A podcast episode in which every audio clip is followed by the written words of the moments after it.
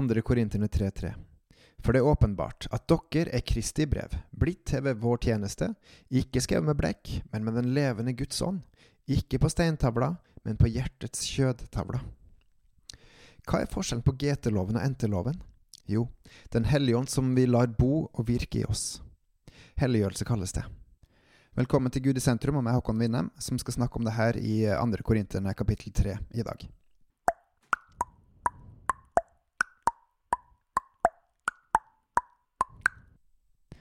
Det er stor forskjell på den gamle og nye pakten, men Gud er den samme. Det som skiller de mest, er at den gamle viser vår synd og slår i hjel, mens den nye, åndens pakt, gir liv. Synden og den gamle pakten er ikke over, men den nye overvinner den gamle, hvis vi slipper herlighetens herre til.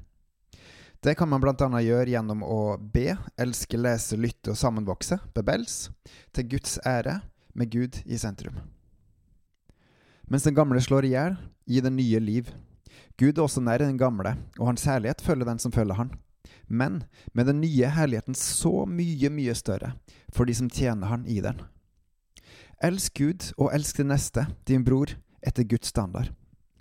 Det er åndens tjeneste som det er snakk om, den tjenesten som er så mye mer rik på herlighet enn den som følger den gamle pakten. Vi som tror må, på samme måte som de som følger den gamle ved å tjene gjennom Mosloven ved å gjøre det som sto i den, vi i den nye må tjene slik den nye pakten krever. Gjør vi ikke det, tror vi ikke. For trua vises gjennom hva vi gjør, om vi tjener gjennom tankene, handlingene og ordene våre. Fornekter vi å gjøre som Gud eh, sier sant, fornekter vi trua. Da fornekter også Gud oss.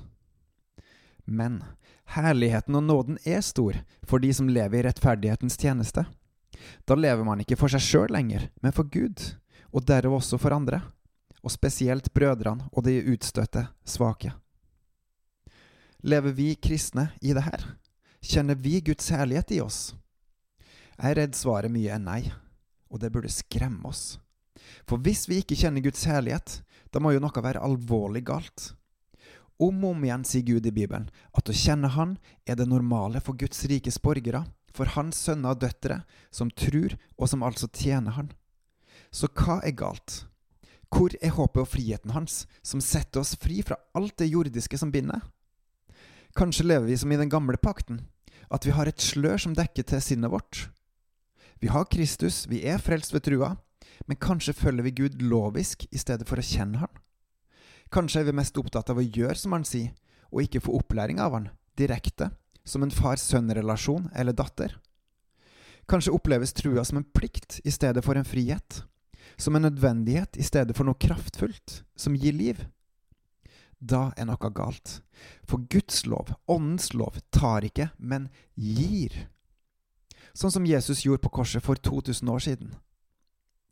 Hør, vi er kalt til liv, til frihet, til tjeneste, til far-sønn-relasjon, til å kjenne Han og være fylt av Han, til å være Hans elskede og etterlengtede, til å bli opplært og oppdratt direkte av Han. Hør hvor rikt det her er at Gud elsker oss og vil ha direkte kontakt med oss.